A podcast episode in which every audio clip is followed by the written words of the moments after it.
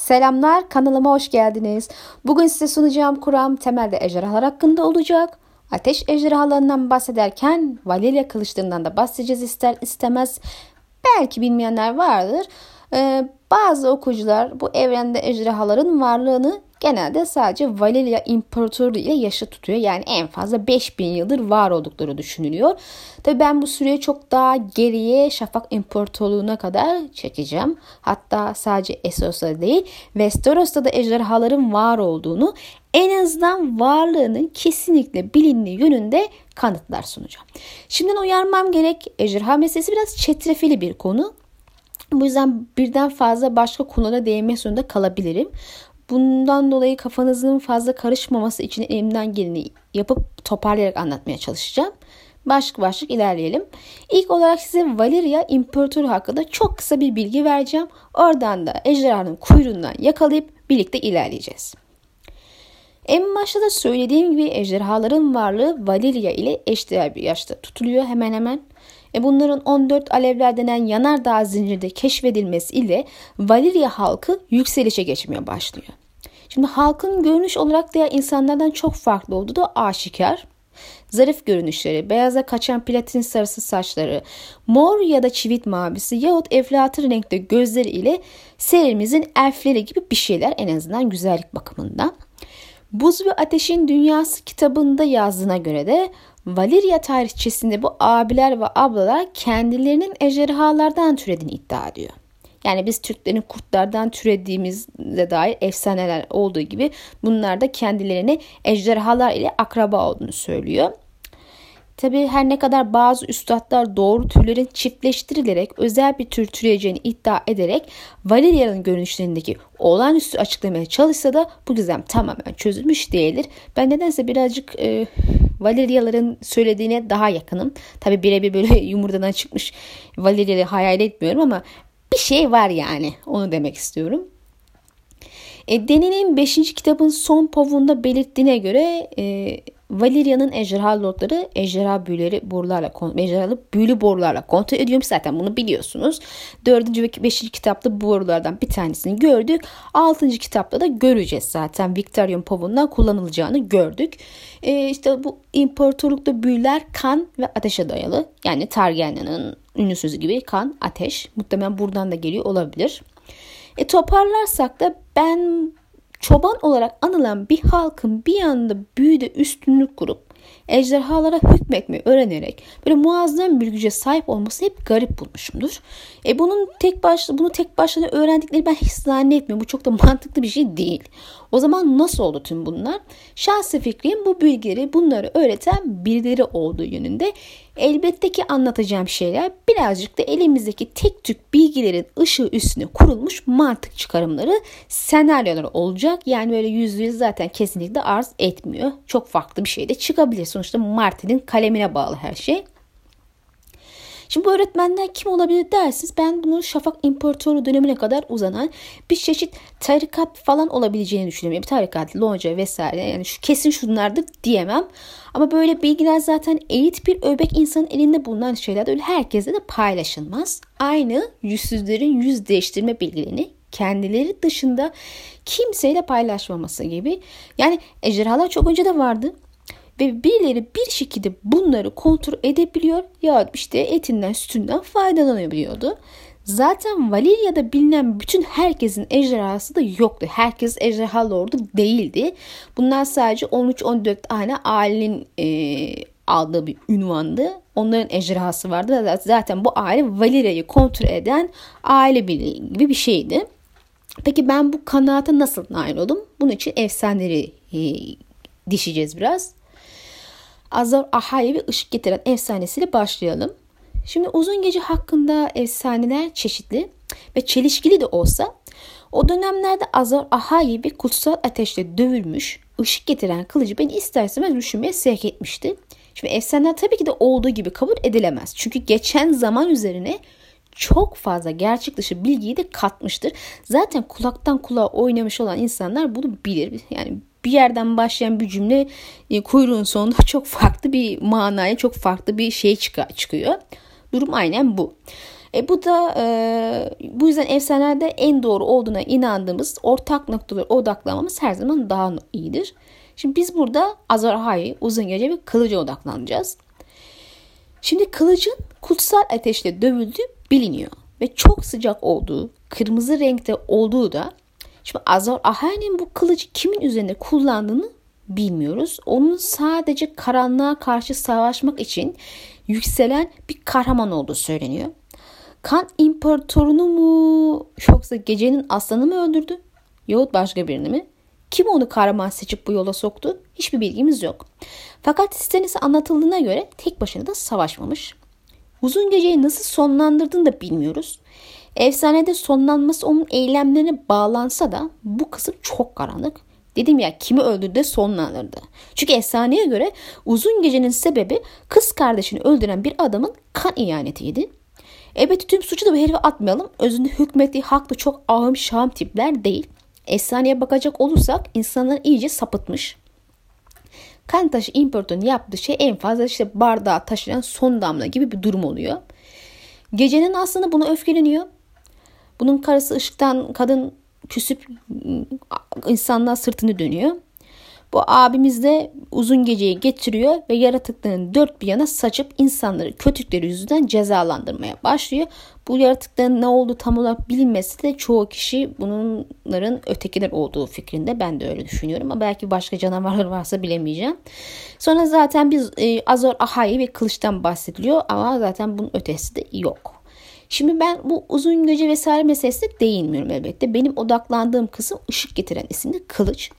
Bu kılıç zaten bir kılıç olsaydı eğer bu kadar adı anılmazdı ve dövmek için de bu kadar uğraşılmazdı. Zaten sihirli bir kılıç, sihir barındıran bir kılıç. Kullanıldığı zaman alev alıyormuş, kullanılmadığı zaman sadece ısı yayıyormuş.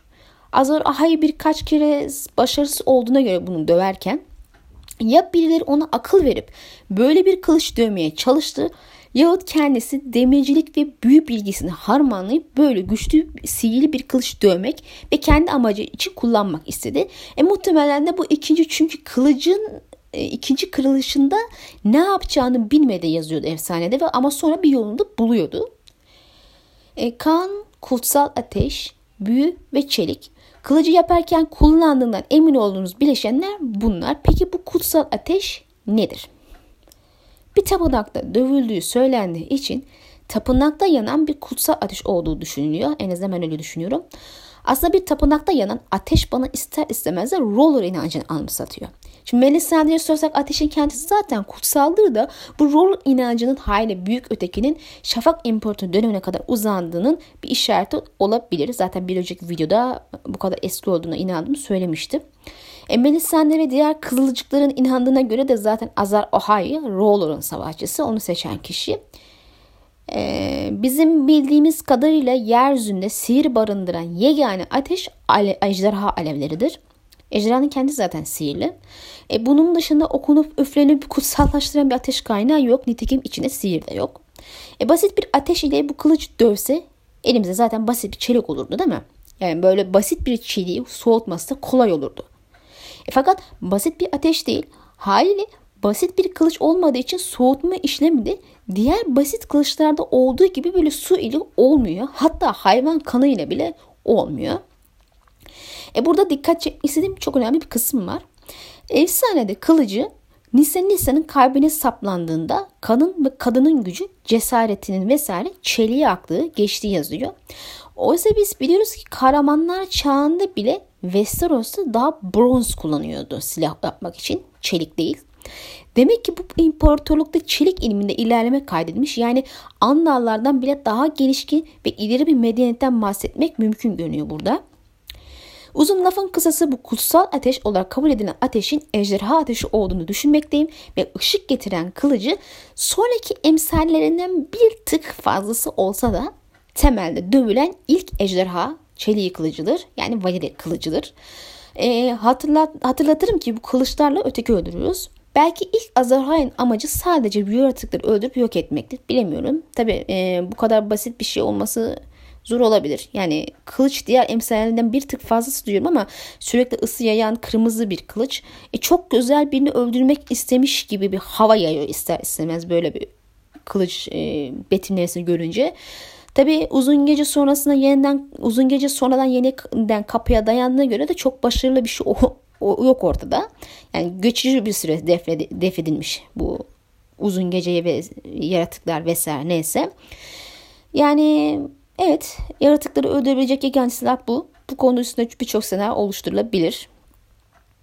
E, çeliğine odaklanmaya devam edelim biz. Bu çeliğe bu isim verilmesinin nedeni isminin patentinin Valeria'ya ait olması. Genelde de bu çeliğin bu imparatorluk döneminde bulunduğunu düşünülmesi. Işık getiren efsanesi hakkında çıkarılım tek başına yeterli olmayacaktır ama merak etme tabii ki daha fazlası var.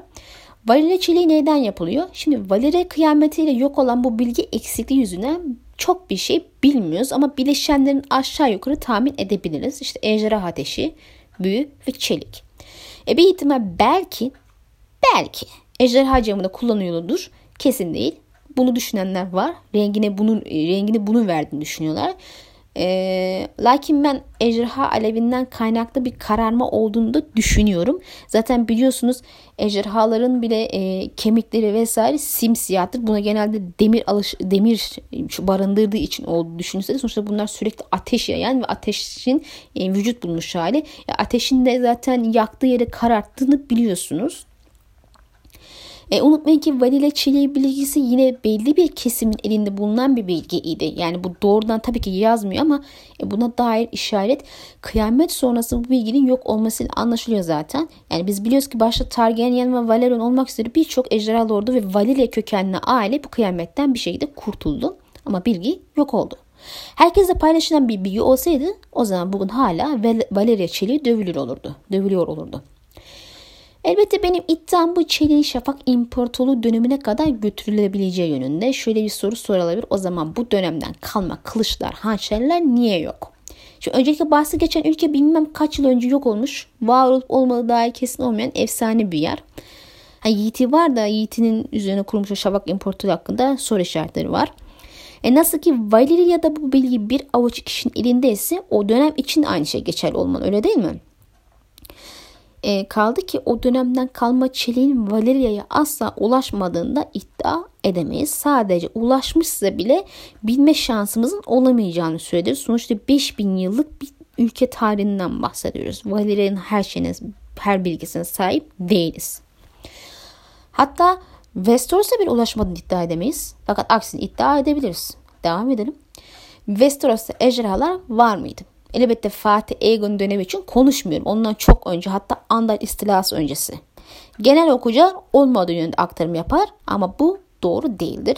Westeros'taki efsanelere ve hikayelere bakarsanız ejderha teriminin geçtiğini görürsünüz. Mesela ilk Hightower'ın savaş adasını meskin edilmiş bir ejderhanın hakimine son verdiği anlatılır. Bunun gibi birkaç e, ejderha e, katili hikayeler de vardır. Ayrıca Westeros'a e, tam yeri Kızılkale'nin mahzenleri e, binlerce yıllık ejderha kemiğinden bahsediliyor. Tyrion'un povunda hatırlarsınız bunu. Orada bahsedilmişti ilk. Tergenyanlar e, Tergenyanlar e, Valeria'dan ejderha kemiğini anı olsun diye getirmemiştir herhalde öyle binlerce yıllık bir kemikleri. Yani o kemikler o ülkede yani Westeros'ta yaşamış ve ölmüş ejderhaların kemikleri aslında. Şimdi Valeria halkı ejderha ateşini kullanarak siyah erimiş taşlara şekil vererek binalar inşa ediyordu. Bu kendilerine özgü yöntemin sırları hala vakıf olan kimse yok. O da kayıp bilgiler arasında. E, bu yöntemin özelliği sanki elinde şekil vermişsin gibi binalar arasında çatlak, bileşmeyle vesaire yok. Renkli simsiyah. Aynı ejderha çelikleri gibi. E, en bilinik yapılar Volantis'in siyah duvarı ve Valeria'nın yollarıdır. E, Westeros'ta bu şekilde inşa edilen inşa edildiğine inanılan iki yapımız var zaten. İlk ilki Eskişehir'deki Hightower Kulesi'nin temelini oturtulduğu siyah labirent kale ve ikincisi zaten Valeria kıyameti öncesinde bilinmeyen bir ejderha lordu tarafından yapılan ejderha kalesi. İkinci yapı zaten ejderhaların var olduğu kesin olan bir dönemde yapıldığı için e, saymıyoruz onu. Ama birinci yapı çok ama çok eski dönemlerde Valeria öncesine dayanıyor. Elbette üstadların yine burası için kendilerince iddiaları olsa da hiçbiri kesinlik arz etmemekte. E, Westeros'ta ejderhalara işaret eden son Karaman efsanesine geçelim. E, bu kahraman hakkında iki aktarım var. İlki Starkların Yaşlı Dadası ve ikincisi Buz ve Ateşin Dünyası kitabının ağzından yazıldığı Üstad Yender'in aktarımı. Yaşlı Dada ile başlıyoruz. Andalların gelişinden, kadınların dar denizin ötesindeki Roy şehirlerinden kaçışından önceydi bunlar. O zamanlardaki krallık ilk insanların krallıklarıydı ve onlar da diyarı ormanın çocuklarından almışlardı. Ama ormanın çocukları sırk ormanların içinde, ağaçların arasındaki gizli şehirlerinde ve boş tepelerde yaşamaya devam ettiler. Ağaçların üzerindeki yüzleriyle nöbet tuttular. Soğuk ve ölüm dünyayı kaplarken çocukları bulmaya kararlı son kahraman insan ordularının kaybettiği şeyleri kadim büyülerle geri alabileceğini umarak ölü topraklara girdi.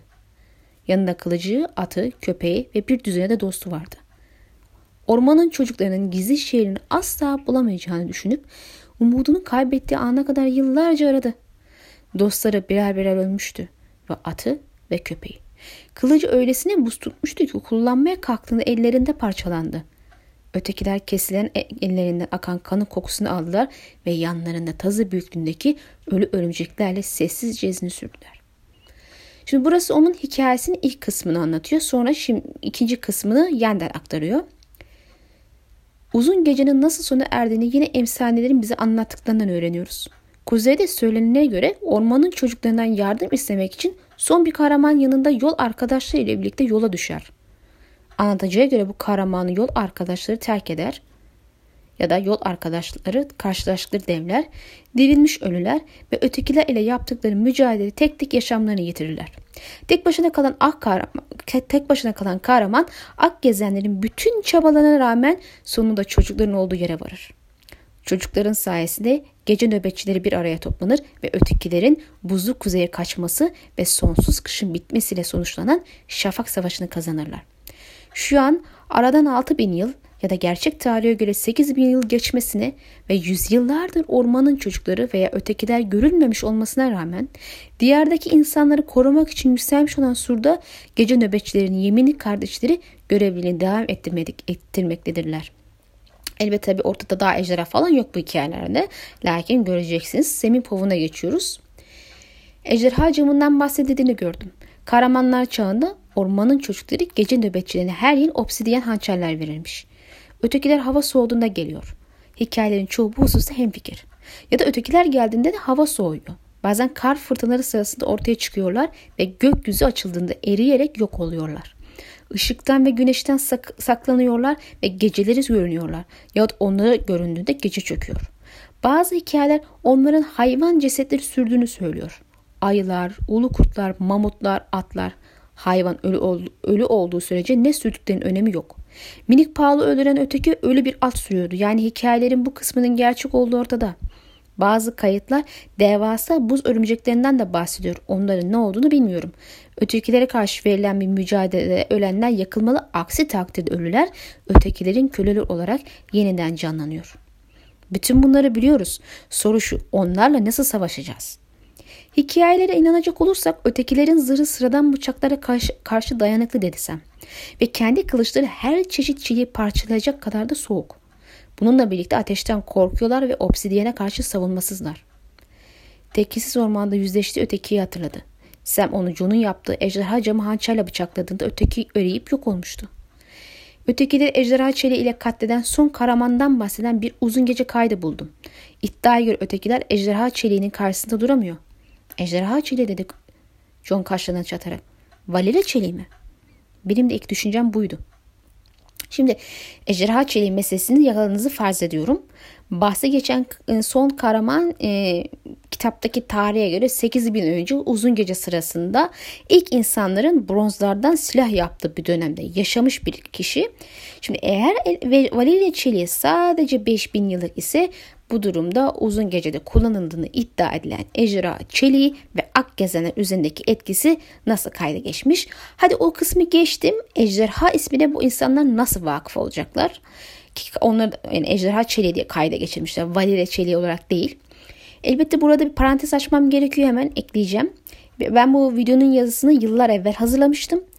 Daha sonra Uzun Gece dizisi gündeme geldiği dönemlerde Martin tabi bu konuda bazı açıklamalar da yaptı. Onlardan birinde dizide Uzun Gece'nin 5000 yıl önce gerçekleştiğini belirtti. Yani her şey 5000 sene önce olmuş.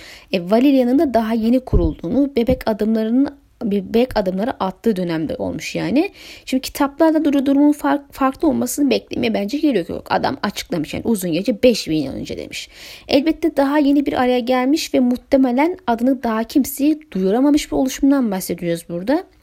Çünkü çelik, e, ejderha çeliği diyorlar dikkat ederseniz tekrar edeyim. Valire çeliği demiyorlar. Yani daha Valeria medeniyetinin oluşması için de zaman var.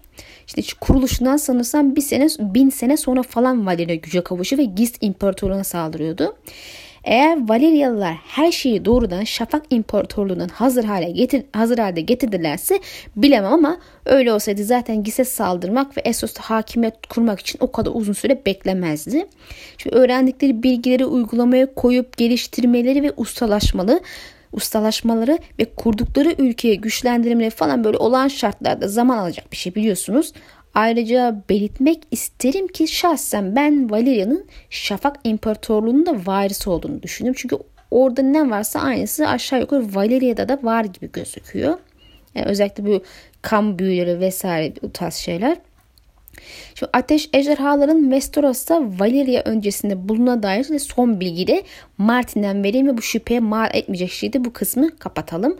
İşte Martin'e binlerce yıllık ejderha kemikleri sorulmuş. O da Westeros'ta daha önce bir dönem ejderhaların yaşadığını söylemiş. Yani Aegon'dan önce. Şimdi diyebilirsiniz ki en başta niye demedim bunu? E o zaman da Martin Westeros'ta ateş ejderhanın yaşadığını söyledi deyip videoyu sonlandırmam gerekir. Herhalde kanalımın tarihinde de, tarihinde de en kısa süren videolar tarihe geçerdi. Bu da biraz ilginç olabilirdi tabii. Elbette, elbette ben bu açıklamayı bu yazıdan bilmem kaç sene sonra gördüm de okudum. Hala bu bana bir şey de göstermiş oldu. Demek ki Martin'in bıraktığı ipuçlarını doğru şekilde bir araya getirip yorumlayabiliyormuşum. Bu iddiayı da zamanda az savunmamıştım diğer okuyuculara. Bu arada Valeria çeliği özelliği gösteren ama ejderha çeliği olmayan ve çok öncesinde yapıldığı bilinen iddia edilen bir kılıcımız daha var. Bildiğiniz üzere Dane hanesinin şafak kılıcı. Bu da çok özel bir kılıç. Dane hanesi 10 bin yıl önce şafak çağında kurulduğunu iddia eden bir hane. Kılıç da kalelerini inşa ettikleri yere düşen büyülü bir yıldızın kalbinden yapılmıştır. Süt beyazı bir renge sahiptir ve vanilya kılıcın özelliklerinin aynısını barındırmaktadır. Biliyorsunuz bu hanede Valeriyalılar gibi böyle platin saç rengi ya da işte eflatun göze sahip insanlar çıkıyor. E doğal olarak da okuyucular bunların kökeni Valeria'ya mı ait diye sormuşlar Martin'e ama Martin bunu reddetti. Hatta şöyle bir örnek de verdi. İsveçliler mavi gözlüdür ama her mavi gözlü de İsveçli değildir demişti. Ben şahsen bu ailenin de Valeriyalılar gibi Şafak İmparatorluğundan geldiğini düşünüyorum. Hatta ilk insanlar bir köken olarak onlara bağlı kanımca. Yani Şafak İmparatorluğuna. Şimdi ejderhalarla devam ediyoruz. Ateşli olanlar dışında efsanelerde buz ejderhaların varlığına da değinilmiş elbette. Yaşlıda da sık sık John ve diğer çocuklar bu konuda hikayeler anlatmış. E, buz ve Ateşin Dünyası kitabında yazdığına göre buz ejderhalarının titreyen deniz ve beyaz boşluk arasında dolaştığı söylenir. Oralarda beslenirlermiş hep. E, nitekim Westeros'ta değil ama Essos'ta bahsettiğimiz bölgede görüldüğüne dair raporlar var. E, ama onu aktaranların genelde soğuktan yarı delirdiği falan düşünülür. E, bildirildiğine göre Valeria'nın ejderhalarından çok daha büyükler. En az iki kat falan olması lazımdı. Ya iki ya üç kat. Ve soluk mavi kristal gözleri var. Uçsuz bucaksız kanatları ve soğuktan nefesi olan canlı buzdan yapılmışlardı. Yani buzun ete kemiğe bölünmüş hali. Aynı ateş ejderhanın ateşin vücut hali, vücut bulmuş hali olması gibi. E, tabii fark etmişsinizdir zaten buz ejderhaları tam da ötekilerin tarifi. Şimdi mantıken insanlar bunu uyduruyor olsaydı ve Esos'taki insanlar e, birebir ötekilerin tarifini yapabilirler miydi? Çünkü mantıken Esos'ta hiç öteki görmemiş ya da bu konuda hiç e, bilgi, sahibi olduğuna dair kitaplarda bir şey görmedik. Yani hani ana kitaplarda en azından. E, Westeros bile onların varlığına inanmıyor zaten. E, surun altından böyle bir şey çıkarsa şaşma bir dönem bayağı bir inanıyordum surun altından da bir buz ejderhası falan çıkacak diye. Şimdi eskisi kadar çok e, emin değilim tabii. Hatta o kadar çok inanmıyorum ama çıkabilir. Çıksın bence. E, buz ejderhaların bahsi geçtiği yerler hep John'un povu ve sur ile ilişkili çünkü. istersen insan düşünüyor. E, titreyen denizde gerçek anlamda insanı birkaç saniyede donduracak kadar soğuk soğuk bir bölge vardır. Evet, deniz bile buz tutar. E, gemiler oraya gitme hatasına düşerse ilerleyemez ve donup kalır. Bu bölge Yamyam Körfezi. Oraya gidip de öl, ölmeden dönmek mucize. E, dönenler de zaten yarı ölü gibi dönüyor. E, denizciler burada soluk mavi bir sistem bahseder. Dokunduğu her şeyi anında donduruyormuş. E, sis meselesi bize yeni ötekileri anlatıyor. Çünkü 5. kitapta Tormund Jon'a ötekilerin soğuk bir siste geldiğini ve kılıçların işe yaramadığından falan bahsetmişti. Denizcilerin bahsettiği soluk mavi sis muhtemelen buz ejderhasının yaydığı soğukluk, soğukluk hatta nefesi bile olabilir. E biliyorsunuzdur Martin'in buz ejderhası isminde de bir çocuk masalı var ki okumanızı tavsiye ederim. İçeriği o kadar çok Asoyev evrenine benziyor ki bu sorulduğunda bu masalı yazdığında Asoyev evrenini daha yazmadığını söylemişti. Lakin bu hem kaçamak bir cevap olmuş çünkü hayır ya da evet dememiş doğrudan. Hem de Martin'in kendi eski romanlarından bile tek tük şeyleri buraya aktardığını biliyoruz. Örneğin Bakkolon Martin'in bir başka romanında mevcuttu. Bu yüzden burada geçen şey, bazı şeyleri Buz ve Ateş'in şarkısında görmeye beklemek gerekir ki ortak bazı şeyler de var zaten. Örneğin ötekilerin gelişini anlatılırken kullandığı cümleler ki Semin John aktardığı bilgiler aklınıza gelsin hemen. Buz ejderhası masalındaki buz ejderhasının gelişini anlattığı cümleler ile birebir aynı. Masalda da ateş ejderhasından ender olduklarını söylüyordu.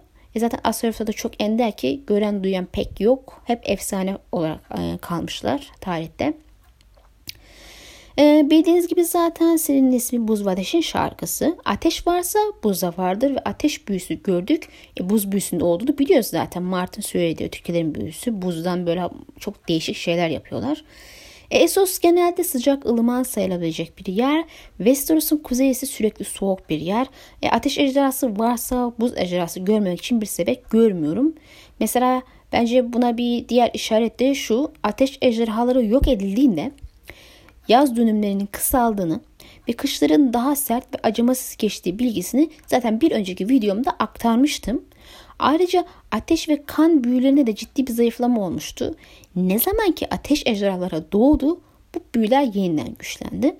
E buz tarafına bakarsak orada buz büyüsü hala faal vaziyette ve güçlü. Şimdi ötekilerin yaşadığı bölge bile büyüsel bir etki olmadan sürekli güneşten ırak şekilde kalamaz diye düşünüyorum. Çünkü çok da normal gelmiyor çünkü. E, silah ve zırhları ve diğer şeyleri buzdan yaptıkları açıklanmıştı zaten.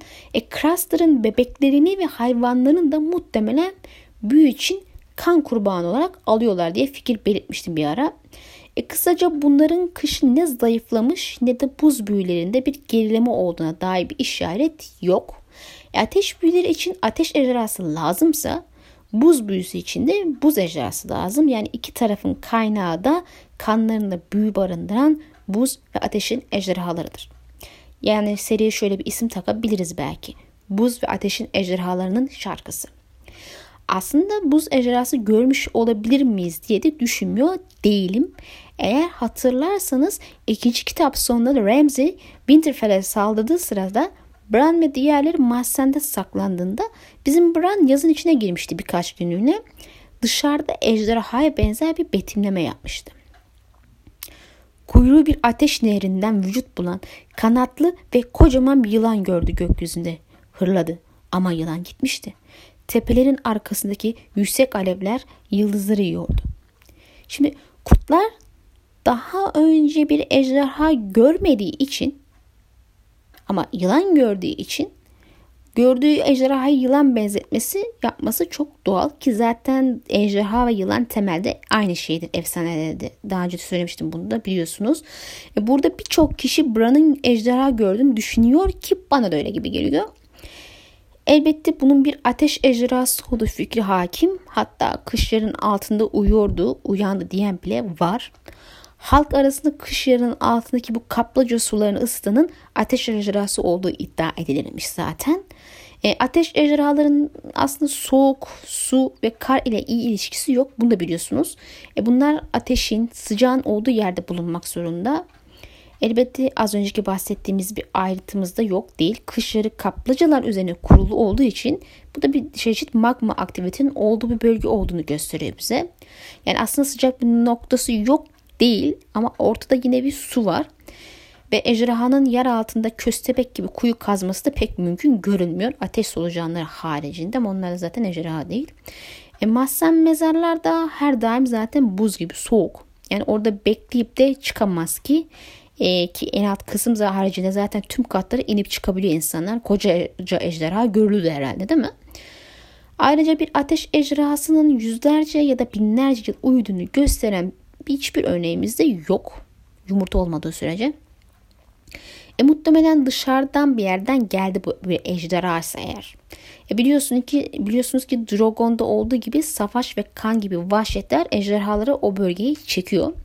E zaten Winterfell'de olanlardan sonra e, o bir ejderhaysa bunu fark etmiş ve buraya çekilmiş olmalı e, kuyruğu ateş nehrinde vücut bulan deyince tabii ki de insanın aklına hemen ateş ejderhası olduğu fikri hakim oluyor ama o sırada kış yarında zaten savaş olmuş ve kış yarı yakılmış insanlar öldürülmüştü. Yani e, kış yarı hali hazırda yanıyordu. Hendeye yansıyan ateşlerden bahsediyoruz burada kanımca. Haliyle kuyruk hendek üstünde görünürken ateşle vücut bulmuş gibi algılamış olabilir yaz.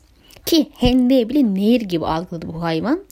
Şimdi bu kadar soğuk bir bölgede ateş ejderhası olacağını ihtimal vermediğim gibi yaşayan yegane ateş ejderhaları da deneye ait zaten bunu biliyoruz.